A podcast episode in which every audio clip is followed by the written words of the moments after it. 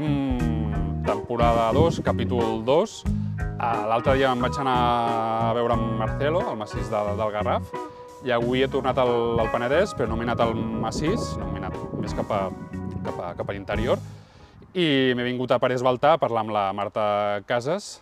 Uh, bon dia, Marta. Hola, bon dia.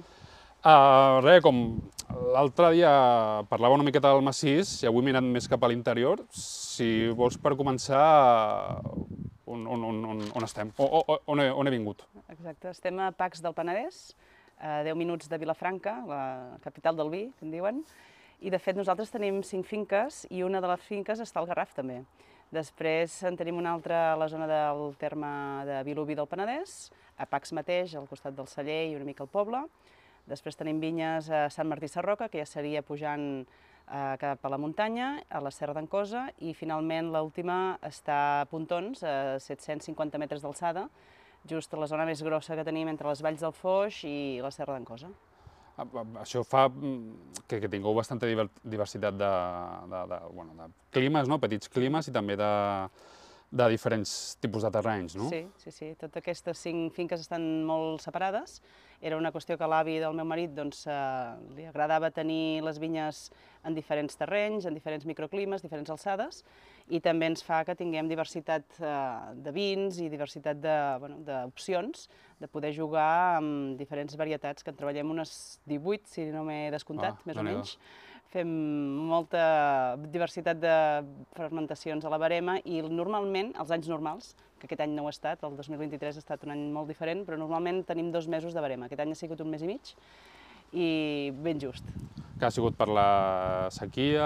Sobretot per la sequera. Per la sequera. Per, perquè les temperatures segueixen sent altes, però exagerades com l'any 22 no han estat, però sí que han estat eh, temperatures altes amb una onada de calor ben forta just el 20, del 23 d'agost al 25 o 27 d'agost, va ser el pic més fort, i just va ser quan totes les varietats van començar a tenir una maduresa fenòlica i una maduresa tecnològica adient, que va venir com una bola de neu tota la maduració de totes les varietats, així com, bueno, era un malson, un malson ha sigut aquesta barema a l'hora d'organitzar-se i a l'hora de prendre mostres perquè era anar tot arreu, anar tot arreu corrents i fent decisions gairebé Clar. a camp.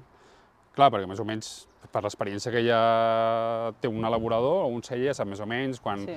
una setmana abans o dos saps que el cabernet o la garnatxa o el, o el sirà o el sumoi saps més o menys quan et vindrà i prepares no, els dipòsits sí, per, sí. perquè vingui, perquè vingui Nosaltres tot. normalment tenim, normalment començàvem entre el 16 i 18 d'agost, era lo normal d'aquests últims anys més ja calorosos, perquè encara recordo anys de començar el 20 i pico d'agost, que era lo, lo normal d'aquella època també, dels primers anys del 2003, 2005, però a partir del 2010-2012 ja començàvem a, després de Santa Maria, i eh, ara aquest any hem començat, que ja fa un parell o tres anys que comencem, primera setmana d'agost, i normalment era començar per alguns blancs primerencs. Per, per, quines, per quines varietats? Normalment, pues, eh, com que venim de la tradició de que es plantava molt de chardonnay, merlot i varietats així franceses a la zona més, més planera, doncs comencem per chardonnay, normalment per chardonnay, després ve el, el macabeu, després ens ve el, el xarelo i el merlot venen més o menys a, eh, a la part, cirà, el cirà és el dels primers negres també, ull de llebre, i llavors ja segueixes amb varietats tipus bueno, Gewürztraminer, que tenim una mica més amunt, eh, després més tard Garnatxa Blanca, eh, Sauvignon Blanc també que està més amunt, i finalment acabes amb garnatxa negra i cabernet. I aquest any era sorprenent, com que estaves al, aquella setmana del pic de calor, amb la garnatxa i el cabernet, que dius, ja estan de maduresa fenòlica, que normalment la maduresa fenòlica, és els pells, ens ve molt més tard que la, que la tecnològica, que els sucres i acidesa, i sempre t'has d'esperar mínim una setmana, dues setmanes eh, anant bé. I aquest any estava tot com la planta havia parat, havia dit prou, jo ja no resisteixo aquesta falta d'aigua perquè estàvem... I espavilat. Exacte, i espavilat, perquè la pell anava madurant igual, com que tens sol i tens hores de llum amb molta calor, la pell va madurant. Eh, la polpa estava parada totalment, eh, amb uns sucres més o menys entre 12 i mig 13 graus, els negres, algun va arribar a 14, però rarament, una acidesa molt alta perquè no es metabolitzava ni l'acidesa, i en canvi la pell maduríssima. eh, clar, com a enòleg dius, uau, fantàstic, és l'ideal, sí, sí. l'equilibri. Sí, però que arribi tot el seu, el seu pas, no? Exacte, no, no, no és l'equilibri no. ideal, però, ostres, collir eh, mentre que, garnatxa i cirà, mentre estàs collint encara m'acabeu, i en canvi el xarelo va estar totalment desbancat, el xarelo mm, va estar entre 11, 11 i mig, majoritàriament, no arribava quasi bé 12 i prou feines vaig tenir per poder fer un, bueno, el vi a l'Electio, que és la vinya més vella que tenim, que, bueno, si miro analíticament exacte, eh, em sembla que està a 11,9, 11,85, i jo volia que refés almenys 12, 12 i mig, bueno, doncs estem així, que és un any curiós. Clar, això si es repeteix, repeteix diversos, diversos anys, eh, farà que el coneixement no, que, que es tenia sobre una varietat, sobre un tipus de clima o, o, o terreny, que a la llarga vagi, bueno, sí, sí, tinguis que tornar a estudiar. O... Ens hem d'adaptar al que ens està passant cada any, de dir, bé, tens uns plans, però aquests plans són efímers. Vull dir, pot ser que en un moment canvi tot de la, de, i es giri totalment. I realment el més perillós i el més que tens por i estàs preocupat és per la vida de les, de les plantes, perquè hi ha Clar. plantes que ja les veus mortes, n'hi ha que van en camí de morir, i, ja vas, i fa plorar. Fa plorar perquè vas a una vinya, veus eh, que, que hi ha la mort en vida, i que ara amb la, amb la poda que hem de començar a fer, doncs, suposo que d'aquí un mes, quan caiguin totes les fulles, eh, començarem a podar, no saps per on te tallar, perquè tens uns brots tan petits i tan prims i tan misèria que, mm, clar, la, el borró que donarà la informació pel proper, eh, per la propera brotada és del, és del brot d'aquest any. I llavors, clar, eh, si això és tan prim i tan delicat, què sortirà d'aquí o sortirà alguna cosa? Aquesta és la pregunta que et fas com a viticultor, que no, no, veus, no veus un futur clar. Suposo que la, la llarga, perquè no, no hi ha un futur clar, també, el, evidentment, la productivitat, no? la producció això uh, baixarà i això farà el bucle de que el vi serà més, uh, més, més car, no? Bueno, aquí estem, que estem en un moment de crisi global, que sembla que no, però a l'estranger ja hi estan en crisi, aquí al país doncs eh, encara no ens en donem compte perquè encara com que fa sol, fa calor, la gent té ganes de sortir. Sí, encara... però quan arribi, quan arribi l'hivern no hi hagi sol i a les 4 de la tarda sigui fosc, sembla, sí. ja arribarà la, la, la depressió i la, doncs, i la, i la, i la crisi. La crisi és molt, serà forta, està, bueno, ja, ja es veu venir, i tens poc volum, tens també la demanda que va, cada cop va més en picat avall. És incert, és un temps molt incert eh, pels viticultors, pel clima, pels elaboradors, per les vendes mm. i en global el consum que cada cop va, va més avall i també et veus pressionat perquè l'estranger, per exemple, ja et comencen a demanar vins de 8 graus i clar, dius, aviam, eh, vins de 8 graus eh, fent-los mm, directament de vinya és un vi imbevible. És un vi àcid, sí, sí, un vi sí, imbevible. És, és, és pitjor que és uh, sí.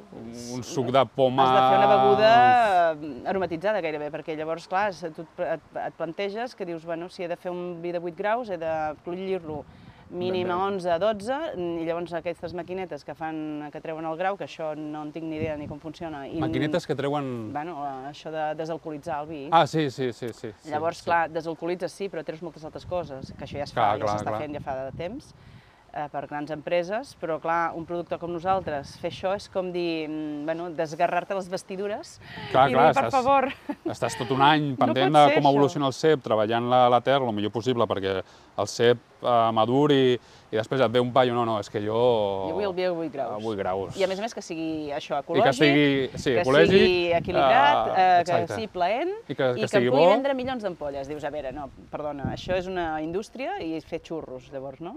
Però, Clar. bueno, eh, és el que, és el que ara es demanda, eh? És aquesta... Sí? vins lleugers. Sí, Llavors, sí, sí, en aquest sí. aspecte, no per això dels 8 graus, però sí pel tema de, de vins lleugers, ens hem donat compte que per mitigar el canvi climàtic aquesta problemàtica que tenim, les varietats ancestrals, com el sumoll, la forcada, el moneu, la malvasia, inclús la garnatxa i, la, i, la, i, i, la, i el xarelo, eh, la carinyena blanca, que ve també de l'Empordà, però que l'hem importat una mica aquí al Penedès, eh, són varietats que ens donen aquest perfil no arribem a 8 graus, evidentment. És que Clar, estem... No, és que, qualsevol, és que, que sigui la veritat que sigui, necessita madurar i que s'expressi. 11 i mig, és que no es pot menys, no?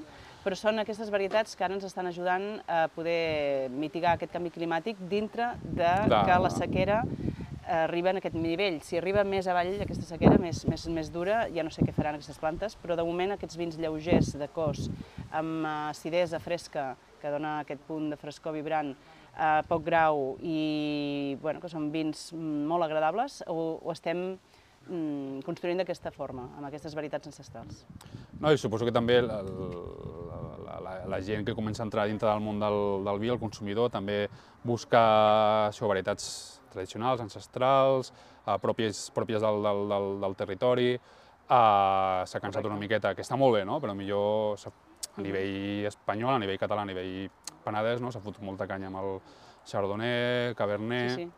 I són les molt bé, varietats ara que estem rem- rempaltant en aquest moment, Ah, molt bé. aquestes molt bé. varietats. Sí, sí. Uh, suposo que es busca tampoc ara et tornaràs boig i arrencaràs tot un Chardonnay de 40, de 40 anys, no? Perquè és una... Precisament, és, és una per no locura. arrencar, perquè són vinyes que estan sanes, el que estem fent és el, la tècnica de deixar l'arrel eh, original del, del portaempelt amb, la, amb el tronc de la varietat eh, plantada doncs, fa 40 anys, i en aquest tronc fem una incisió, fem una mena de cirurgia, que és el reempelt, empeltem aquesta planta que estava sana i viva, i li posem un borró d'una varietat que volem, d'aquestes varietats ancestrals que volem doncs, eh, plantar ara, i en vez de fer tot aquest moviment de terra i, i arrencar i tal, doncs eh, aprofitem les mateixes arrels, el mateix tronc, perquè d'allà neixi una varietat nova, que és aquesta, el sumoll, o la carinyena blanca, Ah. o la forcada, o la moneu, aquestes.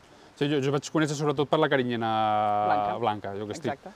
uh, obsessionat amb la carinyena blanca, vaig venir aquí al que era el, el 20 o el, Sí, sí. el 21, Sí, sí, em vaig sí. escapar d'allà de, de, de, de l'Empordà, vaig venir cap a, cap, a, cap aquí, que em vas portar amb el, el tot terreny, sí. per, per les vídeos. Hòstia, jo solament volia parlar de la carinyena blanca i vaig, vaig, vaig uh, flipar i, evidentment, molt, molt, molt, uh, molt, molt agraït.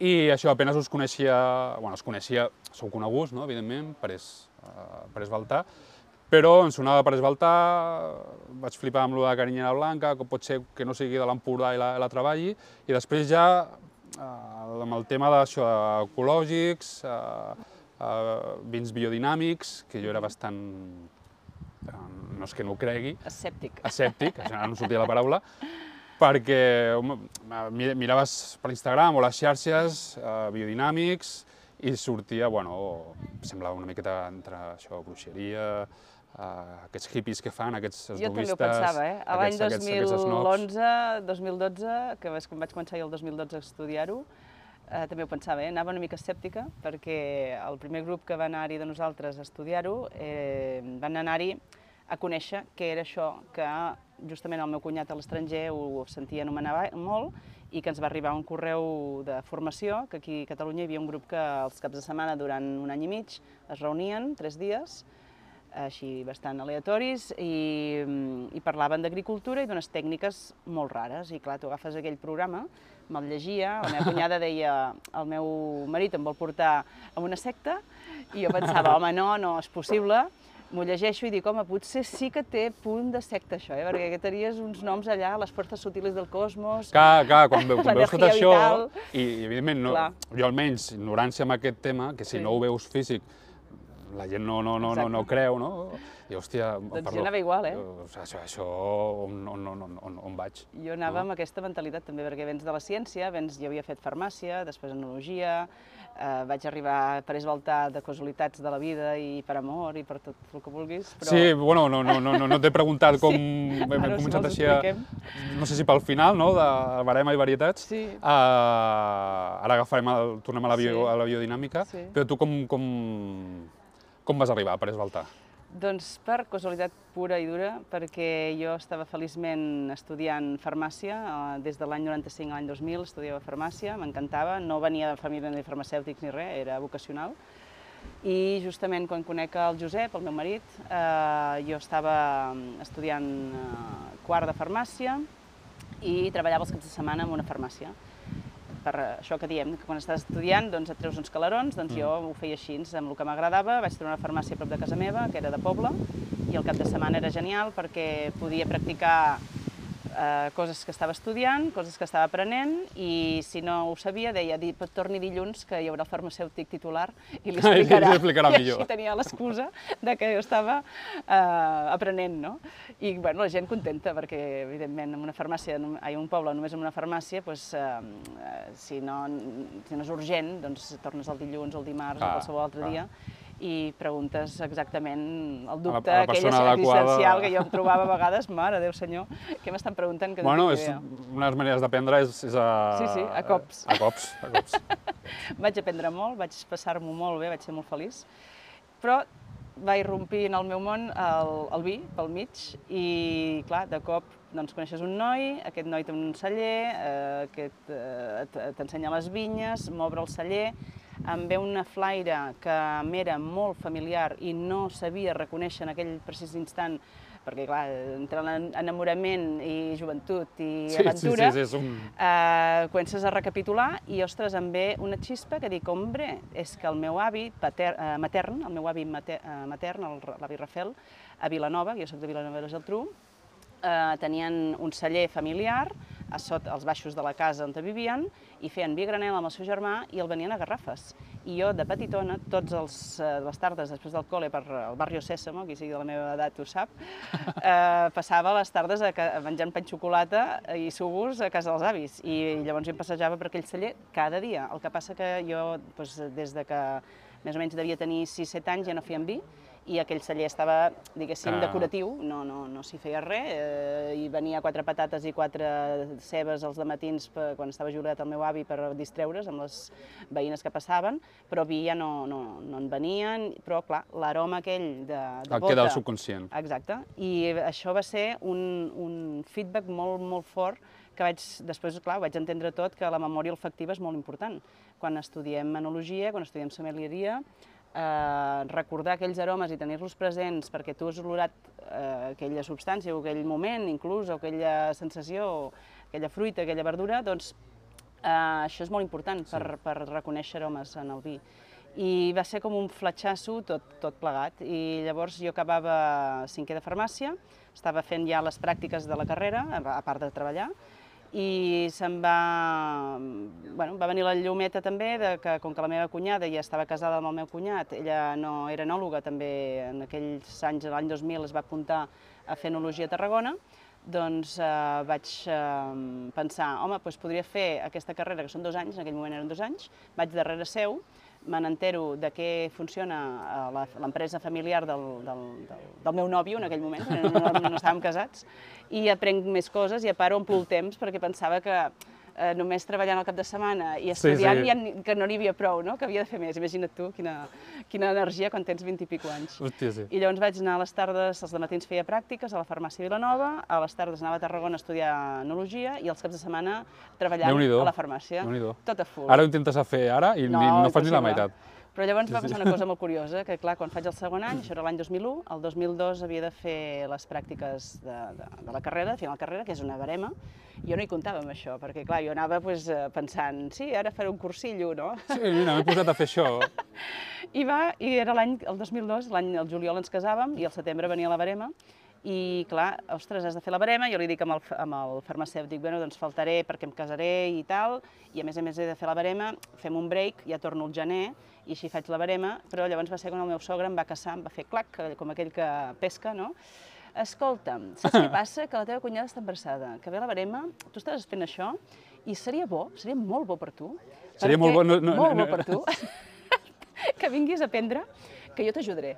Jo encara l'espero que m'ajudi, perquè vaig venir enganyada, bueno, és, és, és Sí, simpàtic, eh? sí. és, un, és una crítica simpàtica, perquè va ser una gran experiència. Eh, vaig estar amb la meva cunyada fins que va tenir la criatura just el dia abans que de tenir-la va estar aquí amb mi, eh, però clar, va ser heavy, va ser Clar. molt fort haver d'aprendre a, a, a rodolons, a pentes i rodolons, que es diu, perquè no en tenia ni idea. O sigui, imagina't eh, doncs, eh, portar tot el càrrec de- d'un celler en un any molt difícil, que va ser com un estil 2020, de, de pluja, de poca maduració, el 2002 va ser molt difícil, i a partir del 2003 ja vam fer un tàndem molt xulo amb la meva cunyada i amb els dos germans, amb els dos marits, que va ser el punt d'inflexió de Pérez Baltà, que va ser l'any que va néixer l'Electio, va néixer... Si és, és, és, Sí, és sí. potser, crec jo, que això, a principis del, dels 2000, que per esbaltar no va fer el boom, no? però va haver-hi com un, per lo que he anat veient, va haver-hi com un, com un canvi, no? Uh, potser un plus Sí, sí. De, de modernitat, no? Per, per, per... Va ser el punt, jo li dic el punt d'inflexió, perquè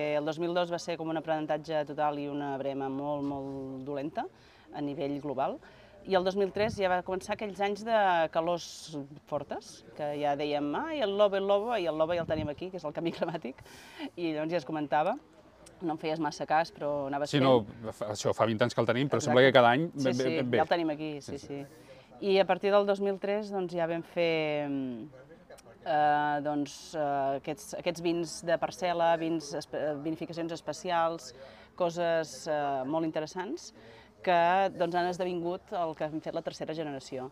I dintre d'això doncs, ve el de l'orgànic i biodinàmic. Doncs jo vaig entrar aquest any 2002, eh, era l'any que posàvem tota la paperassa en ordre, jo en- quasi ni me n'enterava perquè tot era burocràcia, jo, jo prou feines tenia a fer amb, amb, amb un celler amb, amb David Pujol, d'allà de, de Masserac, de l'Empordà, Mhm. parlaven que bàsicament el problema és el que has estudiat a la universitat, que no té a veure a l'hora d'elaboració, i després el tema del, dels papers. Exacte. la La burocràcia. burocràcia que és se't treuen molt les dura, ganes de fer...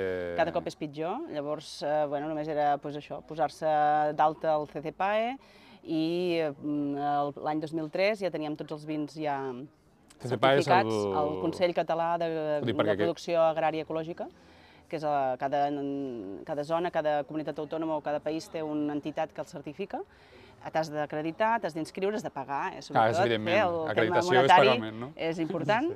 I ja vam néixer, doncs la Maria Elena i jo ja vam néixer com a enòlogues eh, ecològiques, diguéssim, només coneixem aquesta manera de treballar, perquè vam néixer així.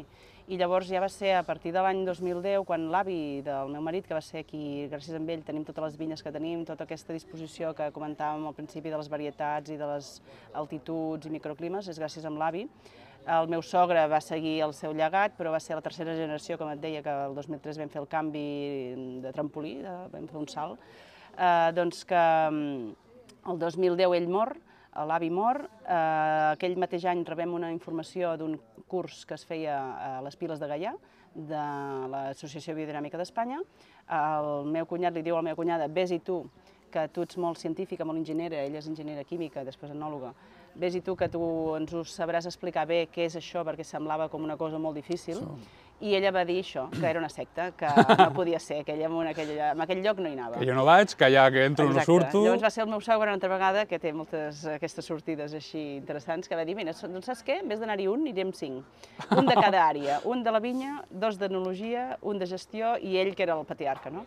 I diu, i així si ens I han de va- va- rentar... va- i- i- Sí, sí, vam anar cinc. I diu, si ens han de rentar el cervell, que, sigui, sigui- que sigui- que hi hagi un, que almenys hi hagi un, que tingui els ulls oberts i que pugui... Per si un cas, no? I que pugui Sí, més per aprendre, va abonar 5 per seguretat, per si, exacte. per si un cas. Jo no hi vaig anar en aquell moment. Jo ho veia molt raro, perquè realment, si vaig llegir el contingut del, del, del sumari de, de, de, de temes, i vaig pensar, ostres, realment és eh, una cosa curiosa, com a mínim, amb, només amb els, amb les termes que fan servir. I jo, llavors, eh, aquell any no vaig anar, però quan tornaven d'aquests cursos eh, sí que em quedava una mica al·lucinada perquè començaven a dir mm, això, doncs aquests termes que havies llegit en aquell eh, resum de continguts, els duien a la boca, que deies, a veure, què estàs parlant del quarts, què estàs parlant de banyes de vaca, què estàs parlant dels ritmes còsmics, què estàs parlant, que no entenc res. I llavors va ser que, clar, tot això és molt paulatinament, a poc a poc, passa tot el 2011, i eh, llavors el 2012 hi ha un altre grup que comencen aquests estudis a l'altra punta de, de Catalunya, a, a Sant Celoni, a Vallgorguina, i li vaig dir jo amb la meva sogra i amb el meu cunyat, que érem els tres que quedàvem per, de la família per, per saber de què anava això, els vaig dir, mira, sabeu què estic pensant? Potser que ens apuntem i sabem de quin mal hem de morir, perquè jo conec el meu sogre, la meva sogra, evidentment, eh, sap quin peu, quin peu gasta, Anem per si un cas, i, per si... Exacte, i almenys saber de què és el que haurem de dir de que ens hem tirat al precipici i hem caigut a, hem caigut a lliure. I vam anar a aquest grup i jo anava escèptica, igual que això que dèiem abans, que, que vas amb aquella sensació de què m'han d'explicar aquí ara, que jo sóc científic i aquí, vale, ja en tinc prou que l'analogia 1 més 1 mai donen 2, però tampoc 25.000 o infinit, no? com veies amb, amb això d'aquestes paraules rares que no, no comprenies sobre la naturalesa i sobre els animals i sobre la lluna i tot això. I llavors vam anar a aquest grup, amb aquest grup vaig començar a estudiar-ho profundament, fer tots els exercicis, eh, encara que era tan complicat llegir Steiner, vull dir, jo si em diu algú, eh, algú que ens està sentint, vull començar a llegir Steiner, no comencis per Steiner, No, comença no. per altres llibres més fàcils. poquet a poquet. I si vols anar a Steiner algun dia, has d'anar doncs, amb molta consciència de que has de passar una pàgina endavant i una enrere per entendre-ho. Sí, sí. I va ser una sensació molt frustrant al principi de no entendre en castellà eh, una lectura, que dius, a veure, per favor, tinc No certa entenc, estic edat, llegint, però no, no, no, no, estic, no, no comprenc el que estic llegint. I vaig entendre una cosa de Steiner, que explica d'una forma caòtica perquè sigui el teu punt de, de caos eh, mental, aquesta diarrea mental que et fa tenir, en quan eh, tu entres en la biodinàmica. O sigui, ell diu que quan hi ha el caos entre la informació de l'homeopatia que estem creant i aquesta informació és la que portarem a la planta o en el terra, doncs en tu te'l creen al teva ment perquè tu siguis justament el que entris dintre de la biodinàmica, no perquè és màrqueting, no perquè és... No, tu tens, eh, tu tens que creure. Exacte. Tens que estar dintre de la, així. I és de, del caos i de la merda per saber el que és caos, el que és merda, i llavors ja trobar-te tu mateix. Doncs així ho fan els llibres. O sigui, eh, vaig entendre-ho a l'última, hi ha vuit conferències que has de llegir-te, doncs a la setena, entre la setena i la vuitena ho vaig entendre. Crea un caos, fa una, una espiral de, com un, quan bats un, un, un líquid, no?, que et fa Sí. aquella espiral, i tu, la teva ment entra allà que estàs a punt de sortir-ne per la via centrífuga, no per la centrípeta, sinó que surts cap fora despedit, i si entres cap dintre, que és la centrípeta, la força cap dins, Clar, com, és quan hi entres. com esperen que la gent ho vegi? Exacte, doncs Clar. hi has d'entrar. Per això ell ho feia. Jo vaig entendre que ell devia pensar això és una cosa que tu has de creure, has de ser tu primer biodinàmic abans que la teva finca, i si tu no t'ho creus, no pots fer-ho. Clar, perquè no sabràs com solucionar el, Correcte. el, el problema o I va ser on em va enganxar. I Molt bé. eh, allò que en dius no quiero esta taza, i Ja des- ets- ai, no quiero este, exacte, després dos, dos tazes, no? no em vull d'això, dos tasses, doncs és el que em passa ara, que des de l'any 14, que jo vaig fer el curs del 12 al 14, i després vaig fer això eren dos cursos, després eh, a partir del, de l'any 20 vaig fer el tercer curs, que el vam acabar l'any 21. No, perdó, l'any passat, el 22, perquè entre la pandèmia i tot el lío es va acabar l'any 22. Doncs eh, he entrat de ple en aquest caos, amb aquesta informació, i llavors eh, moltes escoles que a vegades necessiten algú que em parli clar per entendre a nivell planer, doncs em, em conviden a fer xerrades o eh, conferències o discussions eh, sobre biodinàmica i aquí és on estem, en aquest punt. I, de- I com ho veu, com ho veu la gent? O ja... Bueno, hi ha de Clar, tot, Supos... hi ha de tot. Uh, hi ha gent que ve als cursos perquè li han manat, vés allà, i Sí. punto. I llavors n'hi ha que mm, et miren així de reull dient, bueno, n'hi ha que, ostres, estan interessats, no ho veuen clar, però ho estan eh, notant com, com allò que jo els dic, no és que ja sigui la veritat absoluta, la veritat absoluta és el que tu sentis, el que tu creus que has de fer amb la teva finca. I després, si tu vols fer un canvi perquè tens dubtes, perquè tens ganes de, de fer-ho diferent, tens allà el llibre aquest, el tens a la teva ment, el tens en, eh, escrit o el que vulguis, per obrir-lo un altre dia. I si tu hi has entrat, has entès i has comprès eh, tota aquesta filosofia, tens aquest punt ja guanyat per després posar-t'hi. I no cal dir, ostres, és que no sóc prou bo perquè no, no faig biodinàmica. No, no, és que no és ni bo ni dolent. És una manera de fer, és una manera de treballar, una manera d'entendre la natura, una manera d'entendre entendre't en tu en relació amb aquesta natura, perquè és aquesta relació que tenim l'home amb els animals i la natura, i llavors que has d'entendre que tu et formes part d'això, no ets a part, no ets... Sí que ets el director de l'orquestra, però Sí, tu clar, formes clar. part d'aquesta orquestra i has de saber-la dirigir. I llavors és aquesta forma que jo entenc la biodinàmica, que no cal que tothom sigui biodinàmic, sinó que tothom faci el que creu que ha de fer amb la seva finca. I si és fent un convencional, ho farà perfecte, perquè farà les dosis justes, ho farà, mm, collirà el raïm o l'hortalissa, el que estigui sembrant eh, amb el seu punt just, ho vendrà amb molt d'energia i, molt, i amb la seva empremta d'ànima amb allò, i això val, això ja val. Que després diu, ostres, no em sento còmode eh, utilitzant químics, vull anar cap orgànic o vull anar cap biodinàmic, i llavors és el moment, el moment d'entrar-hi. Però has de sentir-te tu bé amb allò que fas i creure't que tu estàs fent el millor que pots amb la teva finca. Clar, és que suposo, amb això del tema biodinàmica, com ara s'ha posat, entre cometes, fa uns 3, 4, 5 anys, com molt de, molt, De moda, molt, molt, sí. molt de moda, sembla que si no fas, si no treballes... Però jo no com quan, una moda. Quan jo treballava al celler, ah, vosaltres no feu biodinàmica? Sembla que, que els No elaboradors estiguin, estiguin obli... com No, no, no, no. també s'ha informat bastant Jo no ho eh, malament. així, jo no ho entenc així. Jo eh, entenc que el, cada agricultor ha de fer el que sent amb la seva finca. I sigui biodinàmica, sigui orgànic, sigui convencional, sigui sostenible, com li vulguis dir, regenerativa, que ara és també l'altra és paraula de moda, sí. que seria el pas previ a biodinàmica, perquè la regenerativa és tractar el, ter el terra com un ser viu, i és així com el tractem en biodinàmica. El que passa que la regenerativa portada a buscar anàlisis científics amb números per poder fer després aquests excels de petjades de carboni Mm. i tota És, aquesta... és més científica la... Bueno, tot és científic, si vols, però el terra, com que el pots analitzar, el carboni que estàs eh, acumulant, absorbint, eh, fent tota la pràctica de coberta vegetal, són uns anàlisis cars, que en biodinàmica també els podem fer, però no, No. se'n parla perquè no, no es fan, perquè no es considera que s'hagin de fer, però si en regenerativa vols fer-ho, com en tot, ho, podries, ho pots fer-ho, valen molts diners, però tens una ajuda d'una dada, d'un paràmetre que t'ajuda després a poder eh, sospesar aquests excels no? de, de, de més i menys de lo que jo emeto i el que jo absorbeixo. Llavors així la petjada de carboni doncs, queda ben documentada i ben registrada amb una evidència científica d'un número. Clar, això és perfecte per segons quina mentalitat que tu vulguis, eh, i jo, la, jo m'encanta que la gent ho faci, perquè així donen veu i donen un altaveu en el món internacional de que es pot treballar eh, donant vida al terra. Després ja és la gestió, que jo això també ho he vist, la gestió de la coberta vegetal és complicada i amb aquest clima que tenim de sequera encara ho Sí. agreuja més. Llavors, per tant, bueno, és valorar-ho, és valorar cada moment, adaptar-te, el que dèiem al principi, la, igual que la barema, ens hem d'adaptar. I no val sempre fer el mateix, sinó que has d'observar, després pensar, sentir què has de fer i actuar, que finalment això és l'antroposofia. L'antroposofia és la base de la biodinàmica. L'antroposofia Steiner la va dissenyar com aquestes quatre fases. Primer observació de tot, després pensar tot això que observes, sentir quina és la part que tu has d'aprendre de tot això que has observat i pensat, i al final la part metabòlica, la part que, que fa l'exemple doncs, del cap de pensar, el cor de sentir i la panxa de metabòlisi, d'acció, i l'acció és al final el fer, no? el, el què has de fer. Doncs però fent-ho sentint-ho. Llavors, si tu fas tot, tot el que fas a la vida, tot el que et proposes, sigui treballant a la vinya, sigui treballant en un banc, sigui a la teva vida personal, amb la relació dels teus amics, la teva parella, la teva família, fent-ho d'aquesta forma, ho vaig trobar tan interessant, l'antroposofia, que jo la porto a...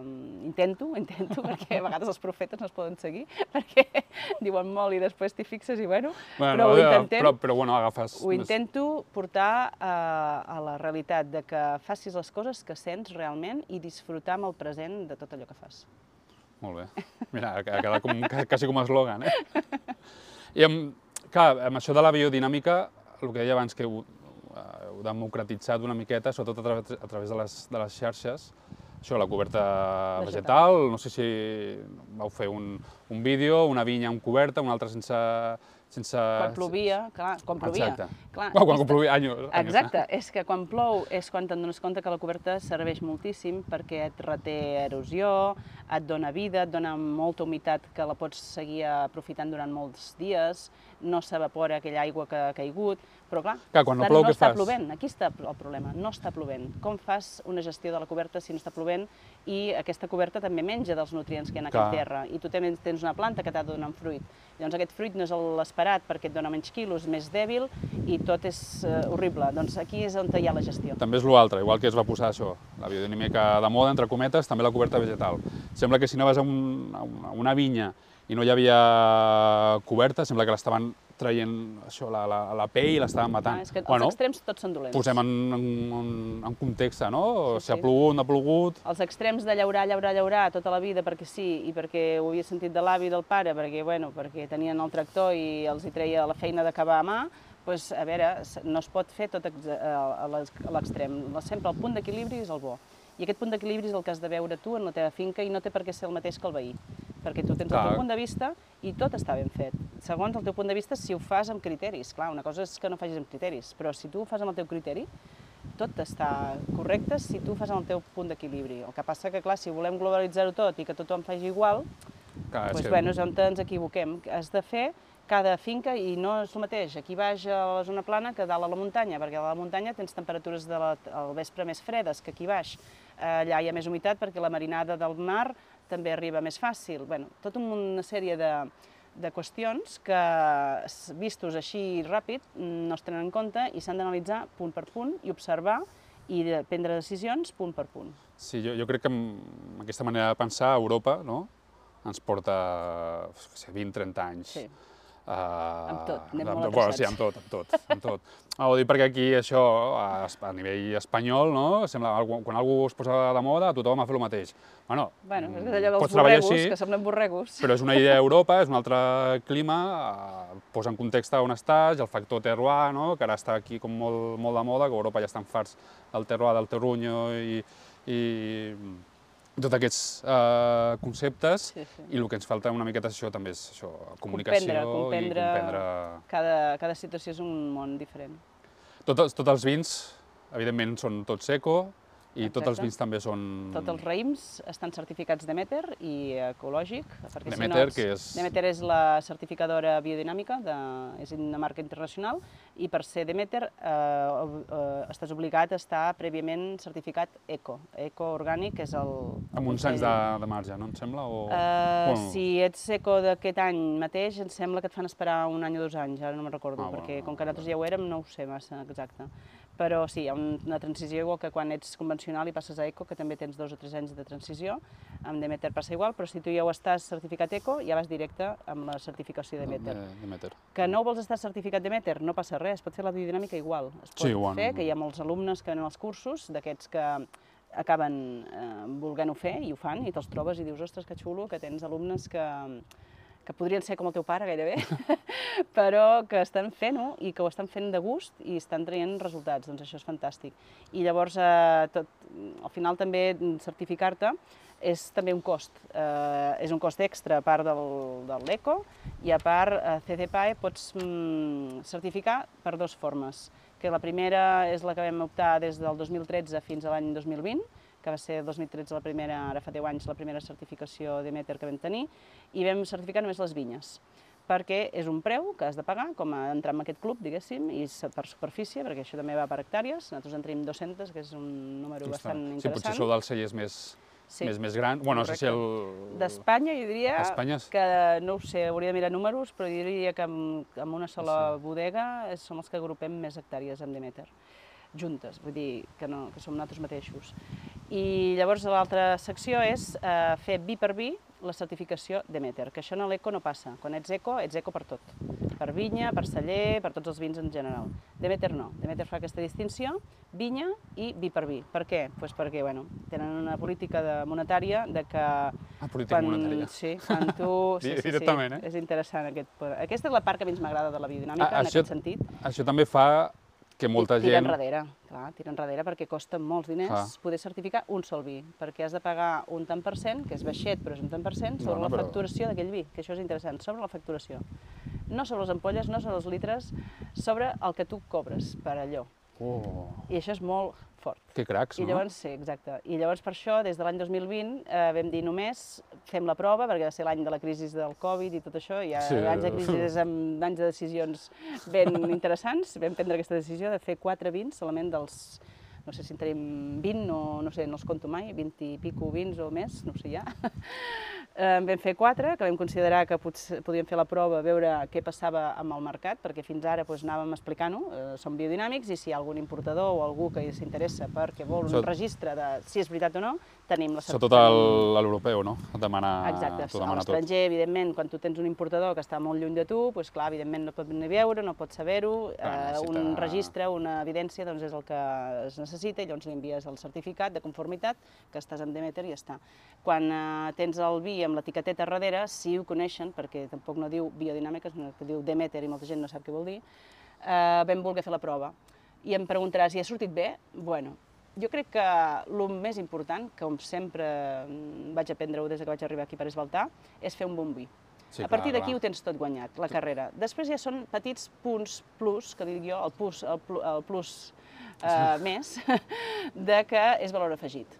I que si ets una família, i que si a més a més som dos dones, i que si a més a més és ecològic, i si a més a més a més tens les, la certificació biodinàmica i treballes mirant la I lluna... si fiques etiqueta vegano, eh, també. Eh, etiqueta Perdó, vegana, exacte. Doncs tot això són petits punts que no Sí. és que et facin vendre més, sinó que és Bueno, doncs mira, No, m'agrada el però- vi, m'encanta, estic super disfrutant amb aquest vi i a més a més és això, no? Per la, per la eh, gent que potser no té coneixements i està en aquesta nova tendència no? de beure sa, tot no quilòmetre zero, no? però que es cuidi la vinya o que es cuidi el producte, jo crec que si veu l'etiqueta eco, uh -huh. si ja sap de biodinàmica i veu Demeter, ja diu, ostres, uh -huh. no sé quina varietat és, no sé què és, però ja però crea com... a part t'ha d'agradar. Sí, clar, clar, després I ja seria. I això és la, la, la base primera, eh? Qualitat, qualitat i qualitat. Això sempre l'avi ja ho havia dit, que ell volia un most fermentat i amb una mica de conservant i prou, perquè ell volia que el seu oli, el seu engranatge del seu mecanisme intern com a ser humà, volia que fos eh, natural, i ell volia menjar quilòmetre zero, allò un bon plat, però quilòmetre zero, fet, la vaca, fet a casa, de... res d'anar a restaurantets que fan espumes i coses d'aquestes, perquè una vegada en una celebració el vam portar amb un d'aquests menús de degustació sí, i va dir que... que mai més voldria anar a un lloc. Quan ha costat això? I mira, primer que valia molt, diu a sobre et porten poc i a sobre deu estar tot químic, això deia, imagina't. I ell deia, doncs això, un bon plat eh, amb proteïna, amb, amb, amb, amb carbohidrats i que sigui bo pel meu cos, i a més a més una bona beguda i un glob d'aigua, que al matí sempre es feia les infusions de farigola, i ell deia que amb això bueno, va, va estar 93 anys bueno, quasi bueno, perfecte, pues... menys l'últim any i mig, dos anys, però és la bellesa, evidentment. I la iaia va viure fins al 101, o sigui, imagina't. Oh, la iaia Rosa, l'any 21 va morir, i 101 anys tenia, li faltaven 15 dies per fer-los. Llavors tenim que fer la farigola pel matí, sí? molta proteïna, Exacte. i el vi que estigui bo, I net, net i bo. Beguda, ai, menjar equilibrat, eh? Menjar, sí, sí, sí, verdura, sí, sí, proteïna, sí, sí, sí. Perdó, ho ho he simplificat, sí, sí. Sí, sí, sí. I, el, i un bon vi, un, un vi bon natural, diguéssim, que no tingui gaires químics. Oh, molt bé, Només els sulfits, ell, l'avi deia això, el conservant, ell deia una mica bueno, de conservant perquè ens faci malbé, ja el està. Te el tema dels... Com hem entrat amb, amb el bucle aquest, que si natural, que si sulfurós, no, que el vi estic expressar, el tema dels sulfits, si tu tens que afegir sulfits, evidentment amb, uns, amb una dosi, amb una dosi que sigui eh, correcta. correcta, perquè aquell vi vols que t'aguanti, perquè millor Exacte. hi ha poca acidesa o, o el que sigui, tampoc passarà res per afegir Jo soc del uh, parer de que cada vi te l'has de mirar com un fill. Uh, hi ha fills que van com una fletxa i et fan una marató, cinc carreres i tal, i n'hi ha d'altres que, bueno, que són més esportistes, n'hi ha un altre que és més uh, artista, un altre que és més uh, de comprensió, un altre que és més de comunicació, un altre... Cadascú té una habilitat, i llavors amb els vins igual i cadascú té unes necessitats i, i unes facilitats. Una, unes, eh, llavors, amb això, com a enòleg, com a artista que som dels vins, eh, hem de comprendre cada vi. I no, nosaltres fem vins naturals, vins sense sulfits, alguns sense filtrar, però no tots. I no tots eh, eh, necessiten expressar-se d'aquesta forma, sinó d'una altra. No? Per exemple, si hi ha una inestabilitat proteica, per què no posar-hi una bentonita, que és una cosa natural, que és una terra que, que arrastra aquestes proteïnes que després et fan una terbolesa i que aquesta terbolesa, a més a més, et pot provocar una, un tuf en el nas, que tu quan obres aquella ampolla no la voldràs. Sí, per la qual tu què vols? Eh, una imatge de terbolesa i després obrir l'ampolla i tenir un tuf i que sigui un vi desagradable o que aquell vi eh, simplement tu l'hagis eh, tractat molt fàcilment i molt naturalment amb una bentonita, que és una terra, i li has tret aquella proteïna que et fa aquest tuf.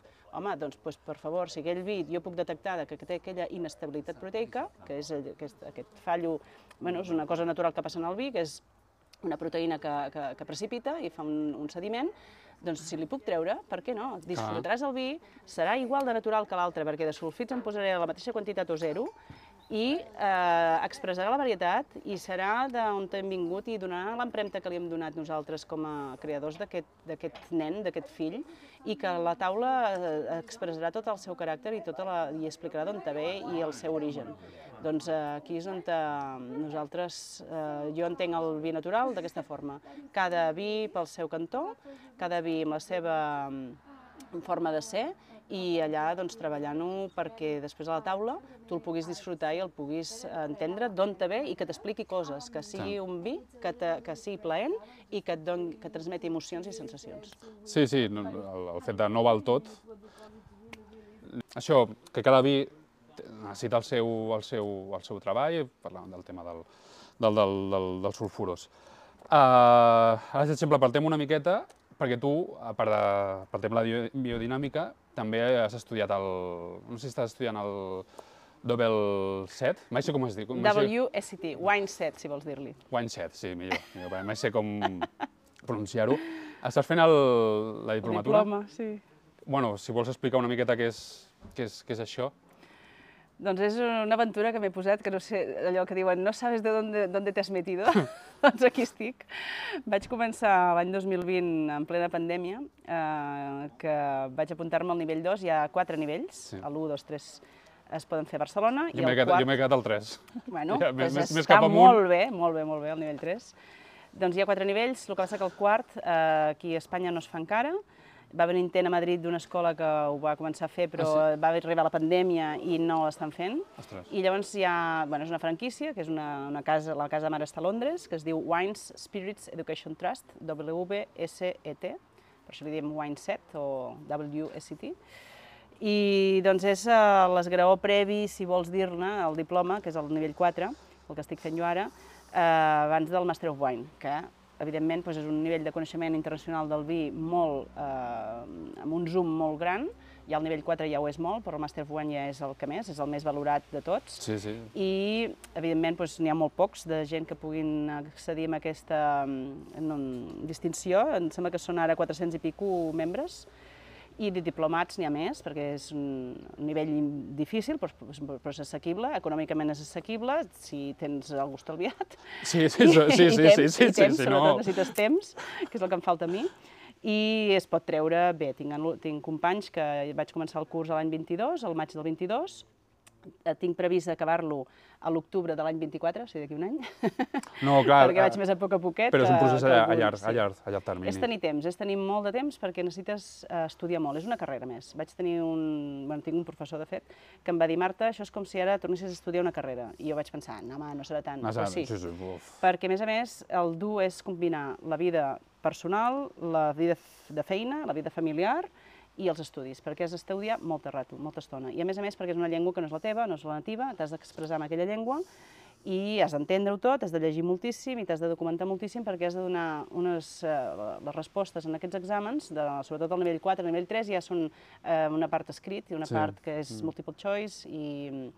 i de tast, De també tast. hi ha, però en el 4 és un nivell de descripció tipus essay, allò mm, com una redacció amb introducció, cos i conclusions, i donant, a part de la resposta tècnica, una El- eh, aportació d'opinió personal en segons quina pregunta et fan. I llavors aquí ve on has de sempre distingir què t'estan preguntant, eh, contestar el com d'aquella pregunta i el per què i alguna dada i alguna opinió teva tot, ma, tot dona punts, a la que no vas deixant, tot no és que resti, però no suma, mm. i llavors eh, el nivell de puntuació eh, és molt exigent. I m'he donat eh, unes quantes clatellades en aquest curs que vaig començar el 22, el vaig acabar l'any passat, el mes d'abril, el, o sigui, aquest, aquest abril 23 el vam acabar, com diguéssim, de les classes de, de presencials, perquè és presencial, vaig a Àustria, Àustria. Pots val. anar a molts llocs diferents del món, eh, és una franquícia, n'hi ha moltes escoles a tot arreu, però aquí a Espanya no en tenim, fins pel nivell 4, pel nivell 2 i 3 i 1 sí que tenim. Sí, Barcelona, Exacte, hi ha diverses escoles. I llavors jo vaig començar el 2 com aquell que diu per riure, perquè era la pandèmia, l'any 2020, eh, arribava el meu aniversari, que és el 5 de desembre, i portàvem diversos mesos que no podies fer res. Jo volia celebrar-lo, no sabia com, vaig començar a pensar, pensar, pensar, i només podies sortir de casa si estudiaves o si treballaves a la vinya, clar, treba... o a l'agricultura. Treballar a l'agricultura ja la ho feia, però aquí? què faria jo sola aquí a la vinya? I, en canvi, fer una formació amb gent, vaig dir, home, doncs potser Puc sortir de casa, Ah, exacte. puc estudiar, parlaré amb gent... Ah, exacte, pues- i beuré vi. I beuré vi, sí, Ah, també, llavors sí, vaig sí, dir, home, i miro dates, i just queia el nivell 2, que el feien a Barcelona, el divendres 4 i el dissabte 5, perquè el nivell 2 només són dos dies, i el dissabte 5 hi havia l'examen, a més a més, però vaig dir que coi, doncs jo marxo a Barcelona.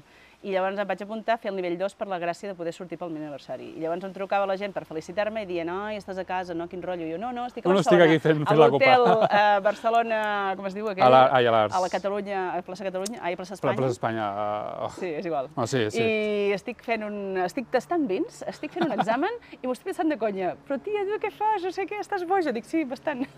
Dic, però m'ho estic passant de conya. I va ser com una rissa, em va agradar molt eh, poder estudiar-ho perquè tu has d'estudiar uns dies abans i allà és el repassillo, diguéssim, i tastar i Mm. conèixer en profunditat els detalls del llibre, que és un llibre més aviat curt. I llavors el gossanillo em va quedar per fer el nivell 3 també amb aquesta escola i va ser el professor de l'escola, el David Molina, que em va dir, home, doncs apunta't al mes de maig. I llavors al maig del 21 vaig fer el nivell 3. Vaig començar-ho a estudiar uns mesos abans perquè t'envien Sí. el llibre i vas estudiant. això, eh, això que et donin els llibres abans és la, la mentalitat d'estudi anglos- anglosaxó. Exacte. No vagis i t'ho trobis, bueno, sinó que amb un previ coneixement, per si després vas a classe i tens algun dubte, netejar aquest coneixement. I és ampliar coneixement, a més a més. Doncs això Exacte. el mateix amb el diploma. El diploma va igual. Tens el llibre, t'ho has de fer tu, amb aquell llibre i altres que tu vulguis per ampliar coneixement. Vas a les classes que són tres stage, que vam fer de 8-10 dies, que va ser com el meu Erasmus, que no havia fet mai a la meva joventut, doncs el vaig fer ara amb 45 anys. T'has tret 20 anys de... Sí, m'ho vaig passar superbé. He fet molts amics, de veritat, que molt xulo. I llavors et tens examen i allà tu, vinga, et tires allà els lleons i Déu-n'hi-do. el primer examen em va, molt, em va anar bé, em va anar molt bé. Els de tres següents, a l'octubre de l'any passat, em van anar d'una clatellada bestial. Ara ja me n'he tret un i l'altre m'he tornat a presentar i me'n queda un tercer que el faré el juny, que ve, el juny del 24, i llavors l'examen gruixut, el més dur, que és el Wines of the Wall, que li diuen The Beast, la bèstia, el faré, tinc pensat fer-lo el mes de maig, i el pla d'estudi començava aquesta setmana, ja. o sigui que, eh, a més a més, els diumenges tinc un grup eh, de Teams que ens reunim, que és internacional, una noia de Portugal que ens eh, fa aquesta proposta de- d'estudiar-t'ho a casa i llavors el diumenge fer preguntes dels exàmens i avui començarem aquest diumenge Sí? comencem amb, els, amb les preguntes i la reunió en Teams per planejar ja l'examen del mes de maig. O sigui, estem en novembre fins al maig 24 Que xulo. estudiant 26 setmanes aquest examen. O sigui, que començo ja. O sigui, el, el pistoletazo és avui. Molt bé, és que uh, això reflexa que, que, que, que el vi, no? No solament, perquè els exàmens i tot això, les classes que es donen, no solament de vi, saber diferenciar entre un Sauvignon, un Chardonnay, d'on sigui, sinó també el, el món, el, el comerç de, Sí, del vi, no? la business. comercialització. Exacte. Uh, com saber vendre un vi, com bueno, la, la, la, la, la geografia, no? Saber per què aquell vi et dona aroma, o record aromàtica... Sí, sí. Per què aquell estil de vi, per què allà es planta d'aquesta forma, per què el sistema de conducció, per què aquestes varietats, per què eh, dona aquests aromes i la mateixa varietat en una altra zona et dona un altre eh, perfil. Tot això és molt important i explicar el com i el per què. El how and why és tot Sí el que rato. argumentar, no? No Tot dir fa olor a maduixa, Són no dir... respostes argumentades, ara ho has dit. La paraula és argumentar. Això està, està molt bé i reflexa, reflexa que el món del vi és eh, molt, molt complexa i que també t'enganxa, no? Mhm. Perquè Molt, molt, molt, molt. eh, et fa també saber d'història, no? Tornar, tornar a estudiar, no? A mi mai m'havia agradat estudiar, pel que sigui, però món del. Va, i fas el 3, has vist? Mira, però és que el 3, mira, jo, jo em vaig complicar, perquè jo vaig pensar, no? Master of Wine, no? és tot en anglès, no? Si fa, el, el 1 no, no el vaig fer. Sí, no cal. Sí. el, el nostre també cas és un no sac a... Bueno, perdó. El vaig fer el, el 2 i perquè ho feia en anglès, perquè ja estava reservat en anglès. I bueno, el 2 anglès, l'he pot fer, doncs va, vaig a fer el 3 en anglès, perquè, perquè fer-ho en castellà, No, si després el diploma i el màster és en Correcte, anglès, una correcte. pèrdua de temps. Però res, vaig fotre la clatellada de, de cop, eh? Però, però vaig aprovar el tasting, però no vaig aprovar L'escrit. la- l'escrit, perquè no, el meu anglès és de fa 20 anys, quan vaig estar Bueno, és que aquí a està el repte Escòcia... nostre. És un greuge pels que som de llengua no Sí, nativa, eh? sí, però a mi, a m'encantaria, jo també soc un flipat, eh? tinc aspiracions molt, molt altes, però m'encantaria continuar estudiant-ho, però penses... Doncs repte, te l'has de posar ja a la llista. Sí, sí, primer tinc que estudiar Anglès. anglès, pagar i dir-li a la meva dona, mira, que he fet un grup d'amics que, que anem, anem, a, anem a tastar. Però el que, el que em referia, que, que el món del, quan entres dintre del món del vi, no, evidentment, t'obliga a estudiar i, de, i, de, i, de, i, aprens, i, aprens, i aprens molt, perquè és que és, Molt. és, uh, és, és infinit. Molt, molt. És que cada dia penses que ja ho saps tot i te'n dones compte que no saps res, que, que cada cop aprens co més coses, cada cop eh, veus punts de vista diferents i això t'enriqueix com a persona, com a enòleg, com a coneixedor de vins i per això estic tan motivada, tot i les clatellades. Però són bones, són bones les clatellades, si, eh? si som la, la gent que és curiosa i masoca, no? és, és una combinació de, vale, uh, he fotut una, una clatellada, bueno, intentem-ho, no? Sí, sí. I I, és- a part m'ha servit per millorar molt més i veure que realment, quan em torno a presentar en aquell examen, que em porto dos de representats, me'n queda un altre, Uh, ostres, me'n dono compte que no anava bé la primera i pensava que, que ja ho portava bé i no, perquè a la segona vegada m'he llegit raconets del llibre que, ostres, aquest no me'n recordava. O vés a saber si el vaig passar de llarg, perquè aquesta frase em va passar per així de... Et serveix per de concentrar- trascantó. concent- I concentrar-te te'n una dones compte miqueta. que saps molt més aquell dia. I si ho tornessis a fer, encara sabries més. I, I tu et veus com a, com a Master of Wine? Ui, aquesta ha sigut, doncs, també... Tindríem que parlar-te de vostè, eh? De tu, per favor. A veure, no t'enganyaré que és com aquell que diu, aquell nen petit, perquè jo em veig així, igual quan parlo d'això em veig com una nena petita, dient, jo vull ser astronauta. A veure, sí que hi ha astronautes, evidentment, i sí que hi ha gent que ha arriba a ser de- astronauta, de- però n'hi ha quatre. Sí, sí. Per lo qual sí que m'agradaria poder estudiar Master of Wine, però ser-ho ja no crec ni que hi arribés. O sigui, encara que hi entrés, no crec que gastaria les tres opcions, perquè només hi ha tres, tres vegades que et pots presentar. Ah, no pots- Sí, no, et que fan ca- fora.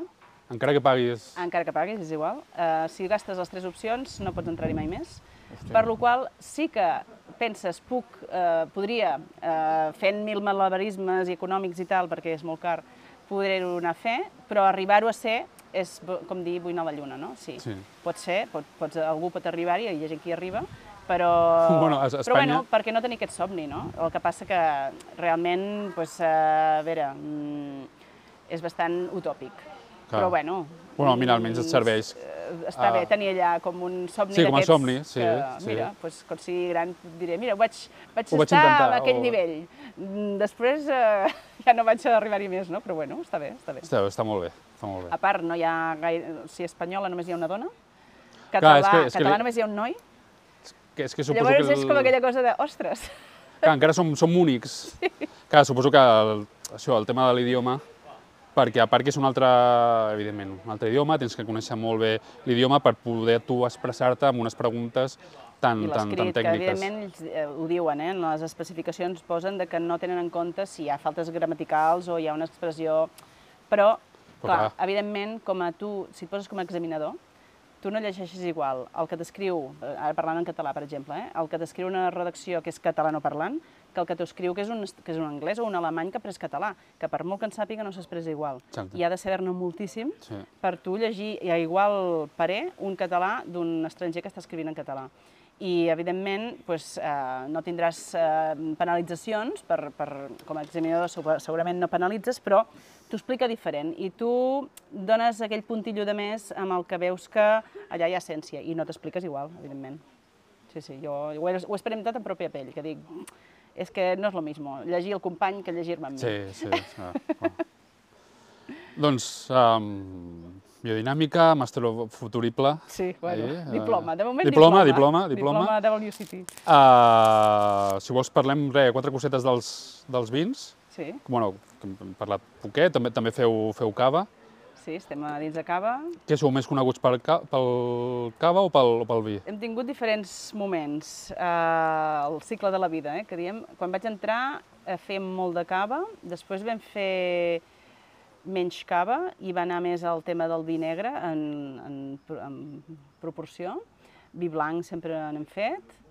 Eh, de, I ara, en aquests moments, estem fent més vins blancs i cava que no pas negre, en aquest moment. Sí, per, O sigui, per, Bueno, Per què ha doncs, sorgit? per tendència també per curiositat nostra, per mercat i perquè el blanc crec que ara és el moment del blanc, de blancs envellits, blancs amb, amb, amb molt de potencial amb ampolla. Jo estic Els negres també del- seguim fent, el Marta de Baltar, l'Absis, Sí, el Masirene, l'Indígena, l'Hisenda, però a nivell de, si mires la, el portfoli, tenim més proporció de blancs que negres en aquest moment, que estem fent tot també la part de vins naturals en blancs, i ara, per cert, entren al Sumoll també, el Sumoll també està entrant com a negre, no? evidentment, el Moneu, que sortirà d'aquí quatre dies, ja el tinc en camí, aquest dia portem la tercera anyada de la veritat aquesta ancestral negra, la Moneu, molt interessant, per cert, però també hi ha la forcada, que és blanca. Per tant, eh, sumo un negre, però també sumo un blanc. Per, o sigui, al final el còmput, blancs i negres, està més amb, blancs que amb negres.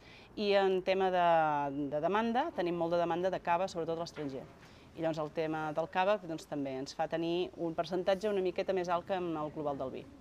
Mal. Clar, teniu el cava, el brut, pareix... El brut, per exemple, és el que triomfa a l'estranger, a monopolis que tenim a Canadà o a Finlàndia o a, o a Noruega, Suècia, Suècia sobretot, i a Estats Units eh, també Ara els vins naturals estan a la Cresta de l'Ola. Sí. Tenim un, uh, un projecte uh, separat de Pres Baltà que es diu Matèria Prima, que té un ancestral, que llavors Està molt bo. és el, la manera de poder fer una, unes bombolles que no sigui mètode tradicional, eh, doncs fent aquest projecte que es diu Matèria Prima i un orange wine, a més a més. I llavors això als Estats Units també està quallant molt bé Molt bé. i els blancs en general també, vull dir que blancs i caves. Després, amb, amb els blancs aquests, els microcubé, l'Electio... Aquests segueixen, segueixen. aquí- és on jugueu una miqueta més? bueno, jugar. Aneu o, o de Majoana, o Bota, o, o L'Electio sempre Àmfora... ha sigut bota, Bueno, Electio, la, la col·lecció dels... correcte. Sí, els microcubers Dels- són aquesta gamma que fem de vins de parcel·la o vins monovarietals, algun que és copatge però que són de parcel·les específiques, que o bé van en barrica o bé en, en vinificacions amb àmfora o amb de majoana, amb, amb, amb criança, i doncs que bueno, tenen aquest punt de vista que és la curiositat que tenim com a elaboradors, que ens agrada mm, practicar diferents recipients i diferents coses. I aquí està, que mm, cada any, quan eh, treus un vi nou, ja tens els comercials, eh? I que ens dieu, escolta, ja està ara- bé, eh, que és molt difícil Ara com el venc, ara com tots, el- tots els vins que feu. I eh, és el que dèiem dels fills. Doncs, bueno, vas tenir fills i aquests fills te'ls estimes tots molt. I inclús aquí fora, que ara estem aquí al pati, Sí, anava a preguntar, tenim això- les de Majoanes, això no són vins que sortien al mercat, segurament que no. Algun ja l'hem botellat a nivell experimental, com un Sol i Serena que just tens a darrere, que aquí es va, amb- eh, aquesta de Majoana d'aquí, que ara és de color rosa, era, blanc, era negra fa uns anys, després va ser color taronja perquè és un Serena de, de, de, de garnatxa que el tinc embotellat, després va ser un blanc i ara és un rosat, o sigui, bueno, vaig fent experiments aquí. Bueno, això també per, per vosaltres, com, com, com a elaborador, també fa gràcia, no?, anar provant... És que si no, si no pots jugar, Clar, clar, exacte. és molt avorrit, eh? Exacte. Sí, sí, no, m'imagino, sí, clar, 20 anys, entre cometes, o 40, o els Sí, que sí, siguin, porto 21. sempre, Sí, sempre fent el mateix, per, clar, clar que hi ha el factor Sí, anyada, ja veurà com surt aquell vi, que la gràcia és que surti sempre Una, un igual. atractiu de ser enòleg és que cada any és diferent. Però és això, el, el jugar amb això, i jo crec que també el, el consumidor, si és, si és curiós, també ho, ho aprecia. Sí, molta gent, aquí al celler rebem moltes visites i cada cop la gent també busca per internet, Google, reviews, tal, i quan surten diuen, ostres, no mira que venia amb expectatives i no m'imaginava tantes coses diferents que feu Sí. i tan bé que s'ho passen la gent que jo estic molt contenta, que tenim un equip molt maco de naturisme. Com, com, Eh, com ho porteu l'enoturisme? Doncs uh, molt bé, des de... mm, abans de la pandèmia anàvem molt bé, amb la pandèmia vam pensar que seria un desastre absolut la tornada i no ha estat així, la tornada ha sigut molt bona, la gent ha tornat, ha repetit i sobretot el que més maco i més feliç em fa és que gent de la zona que no coneixia Pres Baltà o sí que ho coneixia però no sabia que teníem obert eh, dissabtes, diumenges, tots els dies de la setmana, han vingut per primera vegada després de la pandèmia o en els eh, confinaments aquells municipals o Sí, aquella- de, sí. allò que feien talls a la rodona, Sí.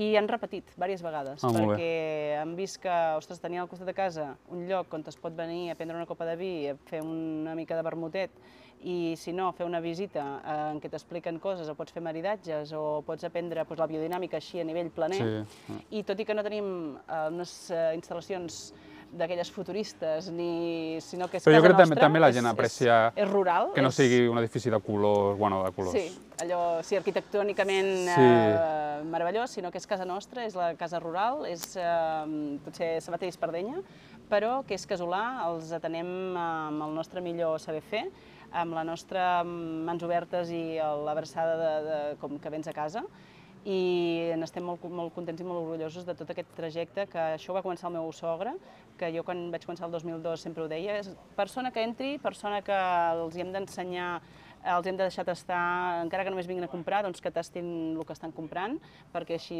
es donin compte, i que el boca a orella i el poder estar aquí a aprendre i sortir amb alguna cosa presa i que has estat com a casa, doncs és el que ha triomfat des de fa doncs, 25 anys que ho estem fent de l'enoturisme. Doncs, déu nhi Doncs, uh, Marta, uh, no sé si vols dir alguna coseta o... Doncs jo encantada, No sé- tots els oients que tens, que et segueixin amb cada entrevista i que et facin Sí, likes ja, i a aquestes veure, a coses, veure. els reviews. Ara quan pugem la temporada, temporada 2, uh, bueno, la idea és, evidentment, ja coneix molta, molta, molta gent, no? però a veure si tinc un públic que no et coneix, ja, gràcies, al, gràcies al podcast. que si no ens, el que ens està escoltant, que no ens coneixia i que li ha agafat la curiositat per venir-nos a conèixer, el convidem a que vingui, aquí a les portes obertes, cada dia de la setmana estem oberts, tastar els nostres vins arreu on estiguin, que doncs, és molt maco quan tens aquests fillets que dic jo que tinc pel món esparcits, que vagin a les taules i expliquin d'on te venen i que transmetin les emocions i sensacions que nosaltres volem transmetre mentre els estem cultivant a la vinya i els estem elaborant aquí al celler, doncs que també a la taula els expliquin tots aquests moments meravellosos que passem fent-los, fent els vins, i que ells els puguin gaudir menjant i amb la gastro- gastronomia que tinguin al lloc. Jo encantada i encantada de que vinguis, eh, Ah, no, merci Miquel, de a que tu pel, pel teu temps. puguem aquí disfrutar i, i reviure moments que quan parlo del passat i coses que estic fent i tal, és, eh, bueno, se'm remou aquell, eh, sens, aquelles pessigolletes no? que, Sí, sí. que fan riure i que dius, ostres, que guai. Viure això que dèiem abans, el present, i disfrutar-lo Sí. i que amb tota aquesta carrera feta doncs jo estic tan encantada de la vida de que m'ha portat aquí, de casualitats, del destí, d'un dia conèixer un xicot i després recordar que el meu avi feia vi i jo després fer enologia tot. i ara estudiar tot això amb aquest nivell internacional que puc conèixer molta gent, doncs encantada jo de, de poder-t'ho explicar i que els oients disfrutin amb aquesta estona de, de conversa.